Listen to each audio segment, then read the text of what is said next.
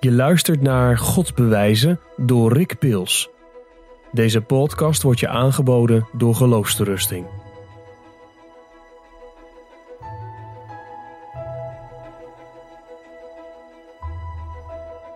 Dit is alweer het uh, laatste filmpje over uh, het boek dat ik schreef met Stefan Paas. Um, God bewijzen. Argumenten voor en tegen geloven. Um, in de voorgaande filmpjes heb ik iets uh, verteld over de andere hoofdstukken. Het boek heeft vijf hoofdstukken. Um, eerst heb ik laten zien dat het imago van geloof in God als iets onnatuurlijks en ongezond uh, en gevaarlijks, dat dat uh, onterecht is. Vervolgens heb ik iets gezegd over de vraag of je argumenten nodig hebt om redelijk in God te kunnen geloven. En gezegd dat het niet zo is en uitgelegd waarom niet. Ehm, daarna, stap 3, um, heb ik gekeken naar argumenten tegen het bestaan van God. En uitgelegd waarom ik niet uh, door die argumenten overtuigd ben, hoewel ik ze wel waardevol vind.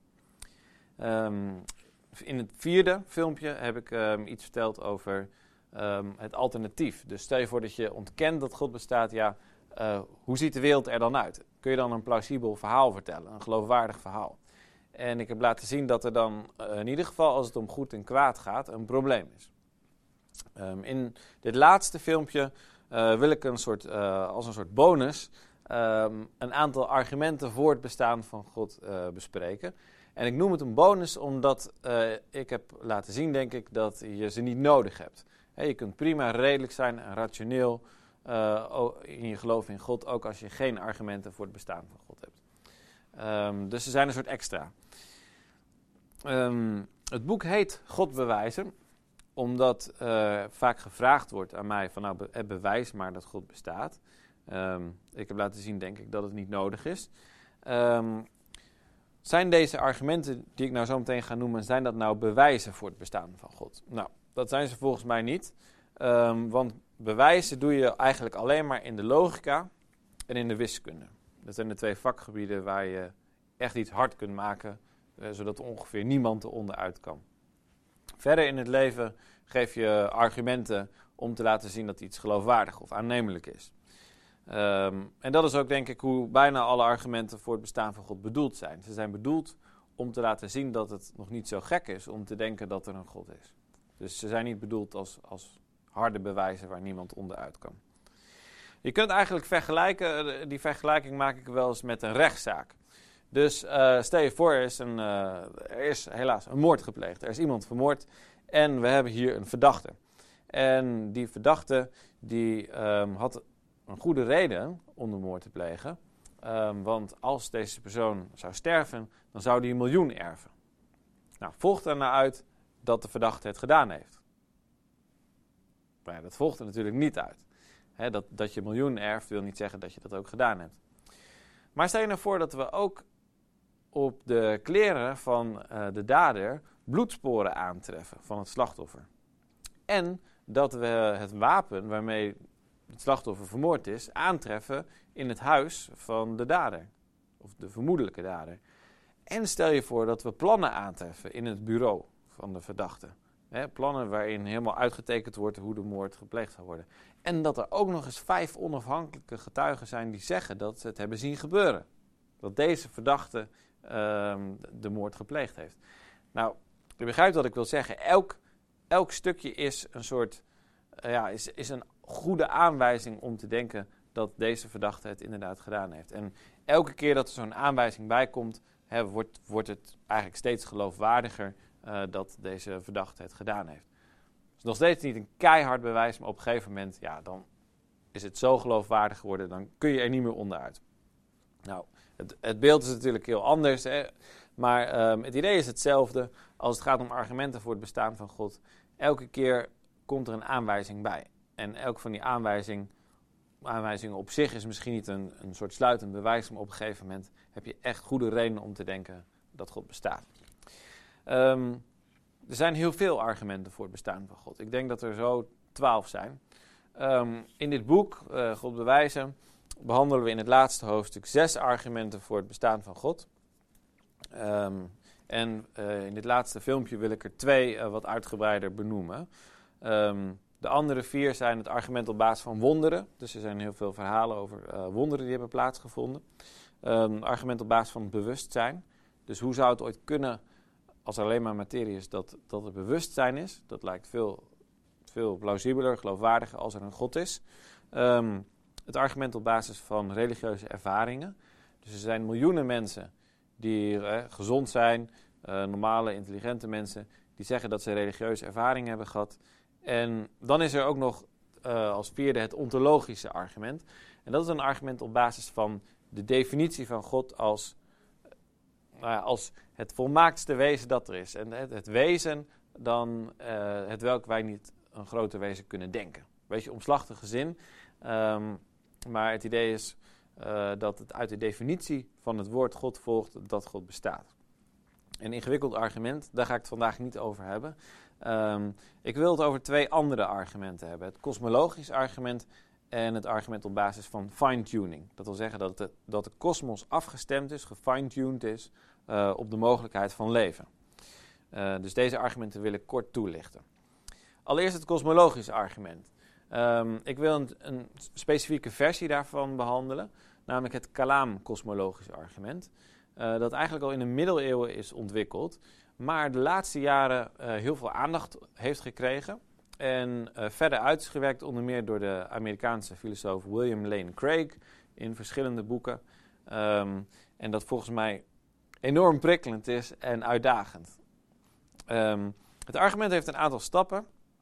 Het, de eerste stap is um, dingen die beginnen te ontstaan, die hebben een oorzaak. Dus iets ontstaat niet zomaar spontaan uit het niets. Dus deze stoel waar ik op zit, die, die, ontstaat niet zomaar spontaan uit het niets. Die, die, komt ergens vandaan. Dat heeft een oorzaak, die is gemaakt. En hetzelfde geldt voor deze tafel en uh, voor dit boek, voor, voor um, dit glas, voor het water. En alle dingen die we tegenkomen, mensen, dieren, planten, planeten. Ze ze komen niet zomaar patsboom uit het niets tevoorschijn. Ze komen ergens vandaan. Ze hebben een oorzaak. Um, de tweede stap is dat het universum, dus, hè, dus de hele materiële kosmos die bestaat, ooit is begonnen te bestaan. Nou is lange tijd door filosofen gedacht, bijvoorbeeld door Aristoteles, dat het universum altijd al bestaan heeft. He, dus hoe ver je ook teruggaat in de geschiedenis, daarvoor was er ook altijd weer een moment dat de kosmos bestond. En dat gaat eindeloos terug. Dan zijn er wel filosofische argumenten te geven om te denken dat dat niet klopt. Maar het interessante is dat in de 20e eeuw um, voor het eerst door de wetenschap argumenten zijn gegeven om te denken dat het universum begonnen is te bestaan. Um, dus dat er ooit een, een Big Bang is geweest. Nou, zoals het er nu voor staat in de wetenschap, is de, de, de theorie die de meeste mensen op dit moment aanhangen, is dat ongeveer 13,7 miljard jaar geleden er een oerknal was, een Big Bang, um, waardoor de kosmos ontstaan is. En met de kosmos bedoel ik alles um, wat bestaat uit, uit materie en energie. En ook daarbij ruimte en tijd. Dus 13,7 miljard jaar geleden ontstonden tijd en ruimte zelf. En energie en langzamerhand materie. En toen ook uh, op een gegeven moment uh, gaswolken en planeten en zwarte gaten. Dat alles is in de loop van de tijd ontstaan. Nou, um, dat was niet zomaar een theorie. Um, dat was ook ergens op gebaseerd. Dus een van de dingen die we bijvoorbeeld vandaag de dag nog kunnen meten, is dat sterrenstelsels, op, hè, ook op dit moment dat ik hier zit te praten, bewegen de sterrenstelsels nog uit elkaar met een enorme snelheid. Hè, dat vindt op dit moment nog plaats. En dat vindt op plaats op elk moment dat wij het weten, uh, weten en meten. Hè, het beweegt zich uit elkaar. Uh, dus, en dat suggereert dat als je maar lang genoeg teruggaat in de tijd, dat het ooit allemaal samen was gebald tot een punt van oneindige dichtheid. En dat hè, door de oerknal de kosmos ontstaan is. Een ander iets dat we kunnen meten is de achtergrondstraling van die oerknal. Dus goede, twee goede redenen om te denken dat het universum ooit ontstaan is. Nou zeggen de meeste kosmologen op dit moment dat er daarvoor niets was. Dat is, dat is de theorie die het meest wordt aangehangen. Dus er was geen materie, maar er was ook geen ruimte of tijd. Er was helemaal niets. Dat is de theorie die de meeste mensen op dit moment aanhangen. Maar als we hier naar kijken, dan, dan hebben we dus het volgende. Dingen beginnen niet zomaar te bestaan. Ze hebben een oorzaak. En het universum is 13,7 miljard jaar geleden ontstaan. Maar niet uit materie of energie of ruimte of tijd, want dat was er nog niet. Nou, die twee tezamen, als je die samenvoegt, leiden tot de conclusie dat iets of iemand het universum veroorzaakt heeft. Dat, het, hè, dat de kosmos tot stand is gebracht. En die of datgene wat de kosmos tot stand heeft gebracht, is in ieder geval buiten tijd en buiten uh, ruimte. Buiten ruimte, want dat was er nog niet. Um, het is ook enorm machtig. Want het is nogal wat om de, eh, om de kosmos. Eh, het is wat om een boek te schrijven. Maar laat staan om een kosmos eh, tot, ja, tot bestaan te brengen. Um, dus we hebben het hier over een enorm machtig iets of iemand buiten de tijd en buiten de ruimte. Nou, je kunt er nog verder dingen verder over zeggen. Is het dan een persoon of niet een persoon? Maar dit komt in ieder geval heel goed overeen met uh, nou, wat de meeste religies zeggen. Zoals het Jodendom, het Christendom en de Islam. Namelijk dat het universum ooit door God tot stand is gebracht. Dus het is een aanwijzing uh, dat er een God is die dit teweeg heeft gebracht. Nu zijn er natuurlijk ook reacties op dit argument gekomen. Uh, men heeft erover nagedacht. Is dit een goed argument voor het bestaan van God?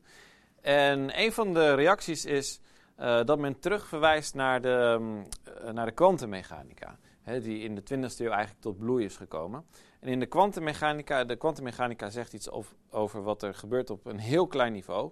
Um, kleiner nog dan, dan atomen. De beweging van elektronen bijvoorbeeld. En daar gebeurt het bijvoorbeeld dat een elektron op het ene moment hier is en op het andere moment uh, op een andere plek, zonder dat het de afstand daartussen heeft afgelegd. Of bijvoorbeeld dat het op twee plekken tegelijk is. Dat soort bizarre dingen gebeuren er. En men zou kunnen denken, ja, um, als dat zo is, uh, is het dan niet zo dat dingen zomaar uit het niets kunnen ontstaan? Nou, ik denk dat het geen, goed, eh, geen goede tegenreactie is omdat in het geval van de kosmos er werkelijk, volgens kosmologen, een kosmos ontstaat uit helemaal niets. Terwijl in het geval van de kwantummechanica heb je een deeltje dat hier is en even later daar en even later daar, zonder dat we weten uh, van tevoren waar het precies terecht gaat komen. Maar in de kwantummechanica is het niet zo dat dingen helemaal uit het niets ontstaan. Dus daarom is het geen goed tegenvoorbeeld. Een andere reactie die ik wel eens hoor, is dat mensen zeggen: ja, Um, maar we kunnen hier niet zoveel zinnigs over zeggen, want we hebben maar één kosmos, uh, voor zover we weten. Um, dus we hebben niet echt vergelijkingsmateriaal. En hoe kun je nou iets zeggen als je geen vergelijkingsmateriaal hebt? Um, ook dit argument vind ik niet zo overtuigend. Uh, we kunnen bijvoorbeeld iets zeggen over leven op aarde. Uh, ook al is het leven op aarde het enige soort leven dat we kennen. We zijn nog niet ergens anders in het heelal leven tegengekomen. Um, of neem bijvoorbeeld het, um, het ontstaan van de kosmos of het uitdijen van de kosmos. Er is maar één kosmos voor zover we weten. En toch zeggen wetenschappers er allerlei interessante dingen over. dus het feit dat er maar één kosmos is, wil volgens mij niet zeggen hè, dat, we, dat we daarom niks zinnigs kunnen zeggen over wat die kosmos tot stand zou kunnen hebben gebracht. Een laatste reactie die ik wel eens hoor is dat mensen zeggen: ja, um, je doet een beroep op God. Je zegt: Oké, de kosmos is een aanwijzing. Uh, het ontstaan van de kosmos is een aanwijzing dat er een God is. Maar dat schuift het probleem alleen maar op. Want wie heeft God dan gemaakt? Waar komt God dan van, vandaan? En daar wil ik twee dingen over zeggen. Het eerste is um, dat um, als, zelfs als dit klopt, we nog steeds een goede reden hebben om te denken dat God er is. Dus vergelijk het maar met um, bijvoorbeeld griep een griep wordt veroorzaakt door een virus. En dan kun je natuurlijk afvragen, ja, maar waar komt het virus dan vandaan? Nou, en daar kun je dan vervolgens op zoek gaan naar een theorie waar het virus vandaan komt. Maar dat staat nog steeds als een huis dat die griep veroorzaakt wordt door het virus. Dus als de kosmos veroorzaakt is door God, kun je afvragen, nou, hoe zit het dan met God? Maar los van wat je daarover zegt, uh, hebben we nog altijd een goede reden om te denken dat God de kosmos veroorzaakt heeft. Dus is het kosmologische argument nog steeds prima. En het tweede wat ik over wil zeggen is dat, um, dat zelfs, eh, zelfs als het klopt, er altijd nog een belangrijk verschil is tussen de kosmos aan de ene kant en God aan de andere kant. De kosmos ehm, bestaat namelijk niet noodzakelijkerwijs. Dus de meeste mensen denken, ja, de kosmos is er, maar hij had er ook niet kunnen zijn. Hij is ontstaan, maar hij had ook misschien wel niet kunnen ontstaan. Terwijl wat alle religieuze tradities zo ongeveer over God zeggen, inclusief de christelijke traditie, waar, hè, waar ik zelf uh, in thuis hoor, ik ben christen, um, is dat God noodzakelijkerwijs bestaat. Dus God kan er niet niet zijn. Ik zeg het nog een keer, God kan er niet niet zijn. God moet er zijn. God is de grond, de basis van de werkelijkheid. Um, en dat is een cruciaal verschil. Dus God is niet ontstaan of uh, door iemand gemaakt. Uh, God, is, God is de grond van de werkelijkheid zelf. Uh, en dat is een belangrijk verschil. Goed, dat was het eerste argument voor het bestaan van God. Een, een aanwijzing, geen knock-down argument waar niemand onder uit kan, maar wel een aanwijzing om te denken: hé, hey, um, ja, wat moet ik hiermee? Dit wijst eigenlijk in de richting van God. Een, een tweede argument dat ik hier wil noemen is het argument op basis van fine-tuning. Um, fine-tuning betekent zoveel als dat het goed is uh, afgestemd. Net zo goed als je, als je een bepaalde zender uh, wil horen, dan moet je, moest je vroeger, en dat is nog steeds zo bijvoorbeeld in de auto, dan moet je afstemmen op de juiste zender. Nou, er is, hè, zo weten we nu op basis van de wetenschap, goede reden om te denken dat de kosmos zo is afgestemd dat leven mogelijk is. Um, er zijn namelijk een aantal natuurwetten. Bijvoorbeeld de, de sterke nucleaire kracht, de, de zwakke nucleaire kracht, de zwaartekracht, de kosmologische uh, constanten. Er zijn, er zijn allerlei verschillende natuurwetten. En in, in die natuurwetten zijn constanten. En die zijn precies zo dat leven mogelijk is. Dus de waarde van die constante is precies zo dat leven mogelijk is. En was die waarde ook maar iets anders geweest, dan was leven totaal onmogelijk geweest. Bijvoorbeeld omdat planeten niet eens hadden kunnen ontstaan. Um, neem bijvoorbeeld de kosmologische constante. De kans, zo zeggen wiskundigen en natuurkundigen, de kans dat die zo is dat leven mogelijk is, die kans is 1 op 10 tot de macht 53. Nou, 1 op 10 tot de macht 53, dat is een enorm getal. Dus dat is, dat is meer, hè, die kans is kleiner dan um, 1 op de miljard, keer miljard, keer miljard, keer miljard.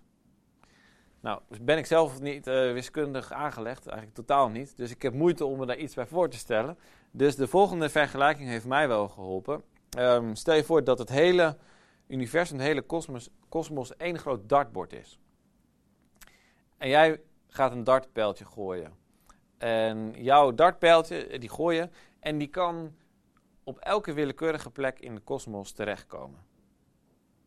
En dus hij kan, hij kan hier in de kamer terechtkomen, maar ook ergens in Indonesië, op de maan, op de zon, uh, in een heel ander sterrenstelsel. Hij kan op elke plek terechtkomen, in principe. Nou, hoe groot is dan de kans dat dat dartpijltje het puntje van je vinger raakt? In die hele grote kosmos. Precies dit ene plekje hier. Nou, die kans is natuurlijk krankzinnig klein, verschrikkelijk klein is die. Maar die kans is altijd nog veel en veel groter dan dat de kosmologische constante zodanig is dat leven mogelijk is. Zo enorm klein zijn die kansen dat leven mogelijk is. En toch is het zo. Het, de kosmos is precies goed afgestemd voor leven. En de vraag is natuurlijk, ja, hoe kan dat? Waarom, waarom is leven mogelijk als die kans zo verschrikkelijk klein is? Um, de gelovige kan zeggen, nou, um, dat is helemaal niet zo gek, want uh, uh, God bestaat en uh, God leeft. dus God heeft de kosmos zo gemaakt dat leven mogelijk is. Dat is helemaal niet zo gek. Als je niet in God gelooft, of je ontkent dat God bestaat, dan zul je met een andere verklaring moeten komen. En wat is die verklaring? Dus opnieuw, hier is een aanwijzing voor het bestaan van God. Nou, opnieuw, uh, over dit argument is natuurlijk uh, al lang nagedacht. Um, zeker de laatste jaren, nu we veel meer weten over hoe de kosmos in elkaar zit en veel meer weten ook over hoe klein die kansen zijn. En er zijn verschillende reacties opgegeven. En ik wil er drie van noemen en kijken of ze overtuigend zijn. Um, de eerste is dat je zegt, nou ja, weet je, um, die constanten, die moeten een bepaalde waarde hebben. Um, en dat ze, ja, toevallig is dat deze waarde en toevallig is leven mogelijk. Het moet, moet een bepaalde waarde hebben. Nou ja, en toevallig, toevallig heeft het deze waarde. Dus neem, ja, neem, uh, stel je voor dat je een miljard dobbelstenen hebt. En je gooit, die, je gooit die hier uit, ze passen niet op tafel. Maar stel je voor dat je ze hier allemaal neer zou gooien. Nou, dan komt daar ook een bepaald getal uit. En die kans is natuurlijk ook heel erg klein dat het precies dat getal is. Maar ja, er moet een bepaald getal uitkomen. Um, dus dat de kans heel klein is, dat zegt niet zoveel. Um, op zich klopt die reactie, maar ik denk dat wat de reactie over het hoofd ziet, um, is het verschil tussen dat, het feit dat de kans heel klein is en het feit dat de kans klein maar significant is. Dat wil zeggen, belangrijk, het doet ertoe. Dus als ik heel veel dobbelstenen gooi en ik gooi 1, 3, 4, 2, 6, dat is een willekeurige volgorde, of een willekeurige, ja, willekeurige serie getallen, die zegt niet zoveel. Maar stel je nou voor dat je een miljard dobbelstenen gooit en dat er een miljard keer 6 uitkomt. Dat is significant. Dat is, dat, is, dat is belangrijk, dat heeft een bepaalde betekenis. Als je een miljard keer gooit en je hebt een miljard, miljard keer een 6, dan vraag je je af, wat is hier aan de hand? Hoe kan dit? Nou, en dat is nou precies wat er is gebeurd uh, met deze kosmos. De constante, de kans dat die de goede waarde hebben om leven mogelijk te maken, is verschrikkelijk klein, maar dat is nou precies het geval. Dus volgens mij is die eerste reactie niet overtuigend. Een tweede reactie, um, die zegt, ja, um, moet je horen, um, nogal wie dus dat leven mogelijk is. Want ja, uh, we zijn er en daarom kunnen we constateren dat leven mogelijk is. Als we er niet waren geweest, ja, dan hadden we het ook nooit kunnen constateren. Dus um, ja, dat zegt niet zoveel. Um, deze, deze reactie vind ik ook niet overtuigend. En ik zal uitleggen waarom. Uh, aan de hand van een vergelijking. Dus stel je voor, um, opnieuw, hè, er wordt opnieuw een uh, moord gepleegd. Maar deze keer op een iets andere manier. Dus stel je voor dat je uh, voor een vuurpeloton wordt geplaatst. En men wil zeker weten dat je niet overleeft. Dus men plaatst uh, 100 soldaten voor je, die allemaal een geweer hebben. En die schieten allemaal 100 keer op je. En ook nog van redelijk dichtbij, laten we zeggen 2, 3 meter. Dus ze schieten allemaal heel snel achter elkaar 100 keer op je met een kogel. 100 verschillende soldaten. Nou, en je staat daar, hè, en die 100 soldaten die schieten allemaal 100 keer. En op een gegeven moment, dan is het klaar. En de kruiddampen die stijgen op. En je kijkt om je heen en je denkt: hé, hey, ik leef nog. Dan kun je zeggen: ja, ik leef nog. Uh, nogal wie dus dat ik dat kan constateren. Want als ik niet zou leven, ja, dan, zou, dan zou ik dat ook niet merken. Maar volgens mij is de redelijke reactie dat je af gaat vragen: ze hebben honderd keer geschoten, honderd soldaten. Hoe kan het dat ze alle honderd 100 keer gemist hebben. Die kans is toch verschrikkelijk klein. Wat is er aan de hand? Nou, en dat is volgens mij ook de juiste reactie als het gaat om de mogelijkheid van leven. Natuurlijk kunnen we alleen maar constateren dat er leven is en dat die kans heel klein is als we zelf leven.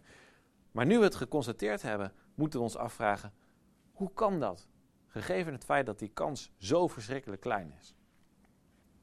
Nou, de laatste reactie die ik hier wil noemen is dat je zou kunnen zeggen: um, Oké, Ehm, de fine-tuning van het universum, hè, dus dat leven mogelijk is, dat precies zo is afgestemd, dat leven mogelijk is, wijst inderdaad in de richting van een God. Maar ja, je kunt wel zeggen dat God het zo heeft afgestemd, maar, maar wat dan? Ik bedoel, uh, wat, heb, wat heb je daaraan? Uh, God is als, wetenschappelijke verklaring, dat, uh, dan houdt het toch op. daar kunnen we toch als wetenschappers niet mee werken. En ik denk dat die reactie wel klopt. Um, dus als wetenschapper kun je inderdaad wel geloven dat God het gedaan heeft. Hè, God het leven mogelijk heeft gemaakt en het universum heeft afgestemd op leven. Maar ik zou niet als wetenschapper God als wetenschappelijke theorie gaan poneren. Want op het moment dat ik God als wetenschappelijke theorie presenteer, ja, dan is dat ook het einde van de discussie. Want God kun je niet wetenschappelijk onderzoeken. Je kunt God niet in een laboratorium zetten of, of experimenten op God toepassen. Uh, dus dan is dat het einde van de discussie. Dus ik denk dat je als wetenschapper altijd je best moet doen om te proberen een natuurlijke verklaring te vinden.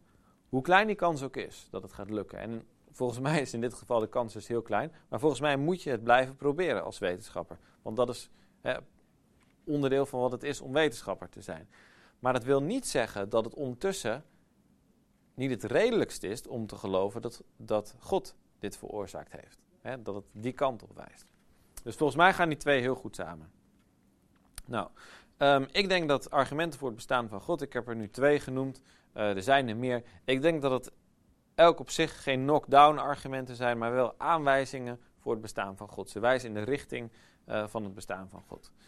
Um, ik heb er twee genoemd. In het boek staan er nog vier. Um, in de vorige filmpjes heb ik een aantal argumenten tegen bestaan van God besproken, maar er zijn er nog veel meer. In het boek behandelen we er ook nog veel meer. Dus als je meer wil weten, um, Stefan Paas en Rick Pils, God bewijzen, argumenten voor en tegen geloven. We doen ons best in het boek om um, ja, zoveel mogelijk van die argumenten te bespreken. Dus hopelijk kun je hier meer in vinden.